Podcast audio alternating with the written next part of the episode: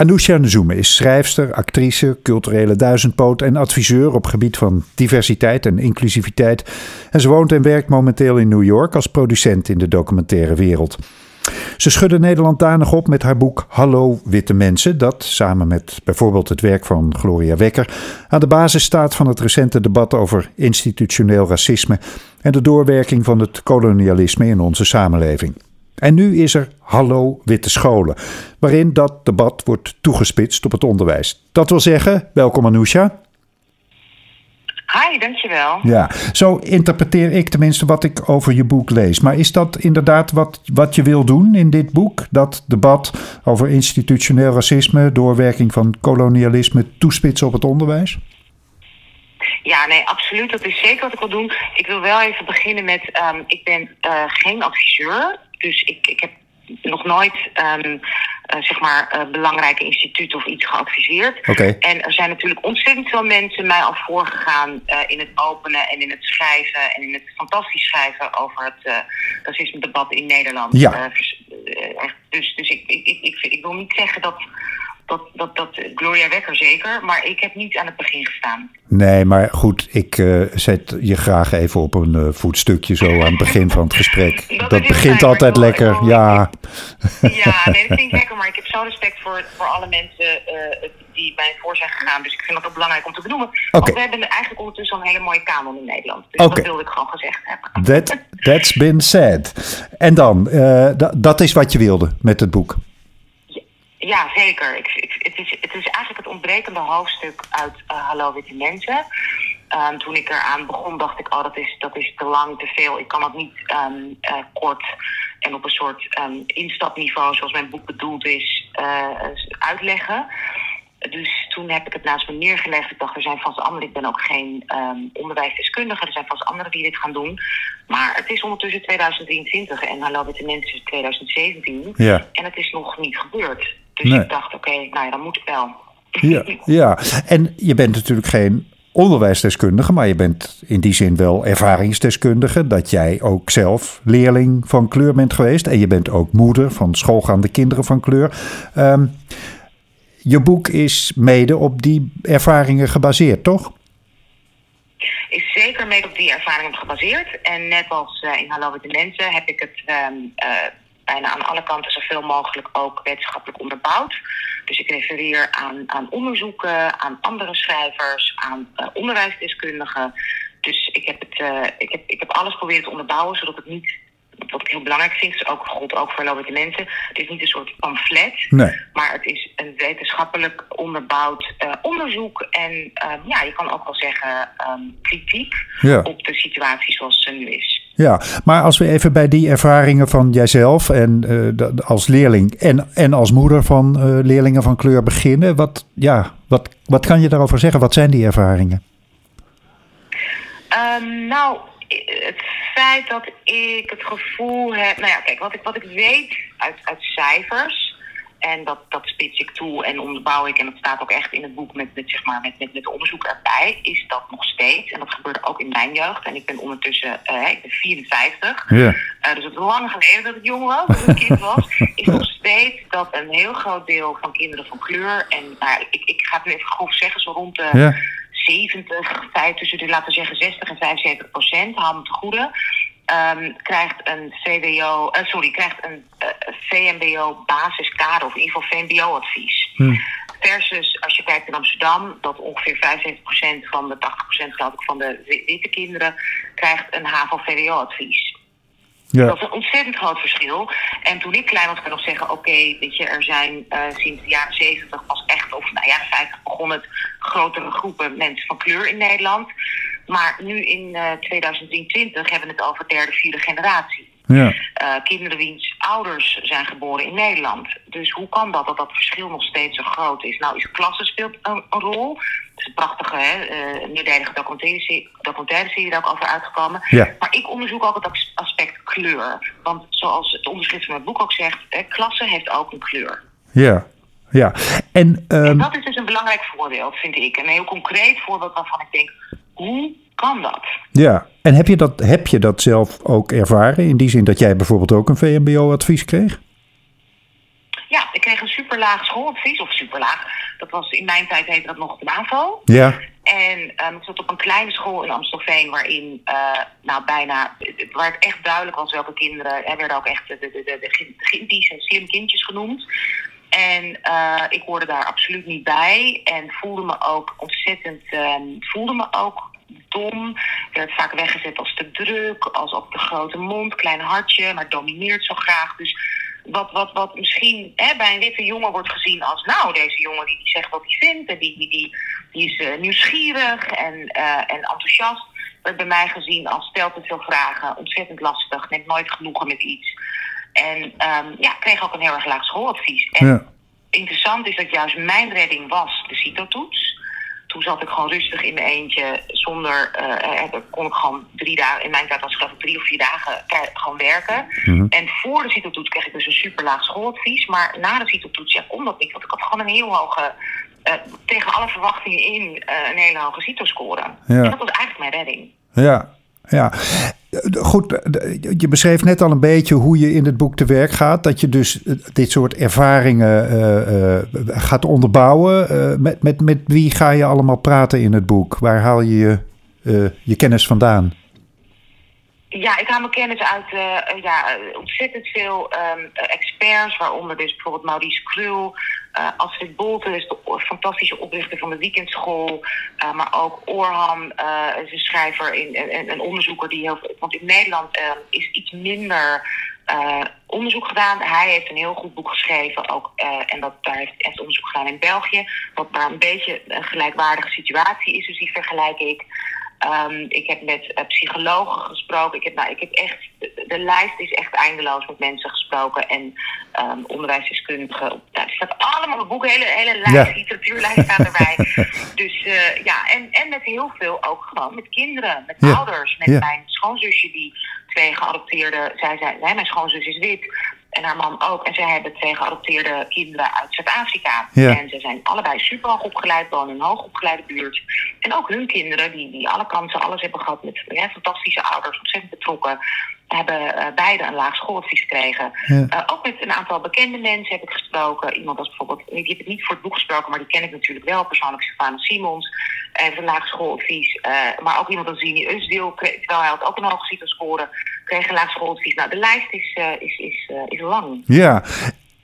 En als het om dat soort verhalen van ouders en kinderen gaat, waren er dan nog verhalen bij jou die, die schokten? Of dacht je, ja, ik weet het? Ik weet het en nog steeds is het, is het voor mij ontzettend chockerend dat iemand uh, die, die, die ook gewoon zo kort geleden nog bijna een soort bijzonder onderwijsadvies uh, kreeg. Terwijl ik weet dat dit iemand is, ik wil hem niet uh, namen noemen, uh, die, die, die, die, die nou echt, nou ja, die ondertussen mega hoog opgeleid en bezig is met de master. Ik, ik vind dat, dat vond ik echt wel shocking. En iemand, en, en de onzekerheid ook. Dus ook iemand die ik in het boek noem, die um, nog steeds haar diploma, omdat zij um, uiteindelijk hè, zich zo. Ze, ze, ze, heeft gestapeld, wat bij heel veel, heel veel mensen gebeurt. Ja. En ze heeft uiteindelijk een diploma gehaald via zeg maar, uh, uh, overdagonderwijs, volwassenenonderwijs. En zij noemt het dus nog steeds haar nep-VWO-diploma. Omdat ze zich zo schaamt dat ze niet quote-unquote gewoon naar een VWO is gegaan. Ja. In plaats van dat ze het ziet, dat ze er trots op is. Van jeetje, je bent een doorzetter. Ja. Is ik woon nu dus, hè, zoals je al zei, in, in de Verenigde Staten. Ja. Ik wil het niet over heel Amerika. Het is natuurlijk een gigantisch groot land met heel veel issues en problemen. Maar wat zo bijzonder is in New York City, in deze stad waar ik nu woon, is dat stapelen, ongeacht je kleur, ontzettend wordt gezien als iets positiefs. Dus als iemand hier zegt, ik heb, uh, ik heb overdag onder, ik heb s'avonds onderwijs gevolgd na, naast mijn werk en nu heb ik mijn masters gehaald, dan is dat een pre op je cv. En Ja. ik, ik zou dat zo graag willen ook voor dat dat ook zo geldt in Nederland. En ik heb het gevoel, of hè, wat ik of het gevoel, dat onderbouw ik ook en ik had het gevoel al, Ja. maar dat, dat, ja, dat, dat probeer ik in het boek ook echt te onderbouwen, dat dat helaas niet zo is. Dat wij maatschappelijk dat niet zien als, wauw, fantastisch. Althans, Nee. niet bij mensen van kleur. Ik spreek ook iemand die een, uh, een, een, een soort ad- adviesbureau heeft voor hè, uh, bedrijven om meer mensen van kleur te recruteren. En zij zegt ook letterlijk van is heel interessant dat bij mensen van kleur mensen denken, ja, hmm, hmm, gestapeld, ja, kan die persoon het dan wel echt? Terwijl zij merkt dat als dat bij witte mensen is, dan wordt gezegd: oh wauw, wat een doorzetter. Dus het is nog steeds een blinde vlek. Niemand bedoelt het gemeen. In mijn boek Net geloof witte mensen het niemand beschuldigen. Maar het is nog steeds ons collectief, zeg maar, narratief. Ja. En ja, ik bedoel, het is een beetje vragen misschien naar de bekende weg, maar uh, vergeet me, ik ben toch gewoon benieuwd wat je antwoord is. Waar, wat is dan de oorzaak? Is dat het ontbreken van een maatschappelijk debat erover, wat, wat nu toch wel een aantal jaren uh, gaande is? Uh, gaat er in de, in de opleiding iets mis? Waar, waar zit het? Ja, nou, dat is een hele goede vraag hoor. En helemaal niet uh, vraag naar bekend weg. Want het is natuurlijk heel complex om dat uit te leggen. En dat probeer ik natuurlijk wel in mijn boek. Um, het, het, het, heeft in de basis, zeg maar, als we heel ver terug gaan kijken. En ik refereer ook aan Gloria Wekker, inderdaad, uh, emeritus hoogleraar dat uh, wat zij naar boek, uh, wetenschappelijk boek Witte Onschuld um, ja. uitlegt, is dat het Neder de Nederlandse moraal, zeg maar het Nederlands ethische gedachtegoed is, wij zijn een heel goed land. Wij zijn gewoon heel erg eerlijk en hoe wij het doen is goed. Dus mhm. als je niet je zoveel mogelijk aanpast of assimileert, als je het niet doet op onze manier, als je niet bent zoals wij, ja, dan mist er eigenlijk iets. Dat is zeg maar zeg ik nu simplistisch gezegd, ja, ja, ja. een beetje het collectieve um, zeg maar, uh, gedachtegoed in Nederland. En dat is, dat is hoe wij onszelf zien. Kijk, in Amerika heeft heel, om het uh, te vergelijken, ziet zichzelf ook echt, hè, met alle issues die er zijn, en steeds racisme, hmm. ziet het zichzelf wel als een immigrantenland. Ja. Wij met z'n allen maken deze maatschappij. In Nederland is er een gevoel dat het Nederlanderschap heel uniek is en bijzonder. En ja, als je daar niet helemaal aan voldoet, en dat heeft heel veel te maken ook met, met Nederlandse taalkennis, met een ontzettende, uh, um, nou ja, bijna obsessie voor spreek je wel echt en goed Nederlands.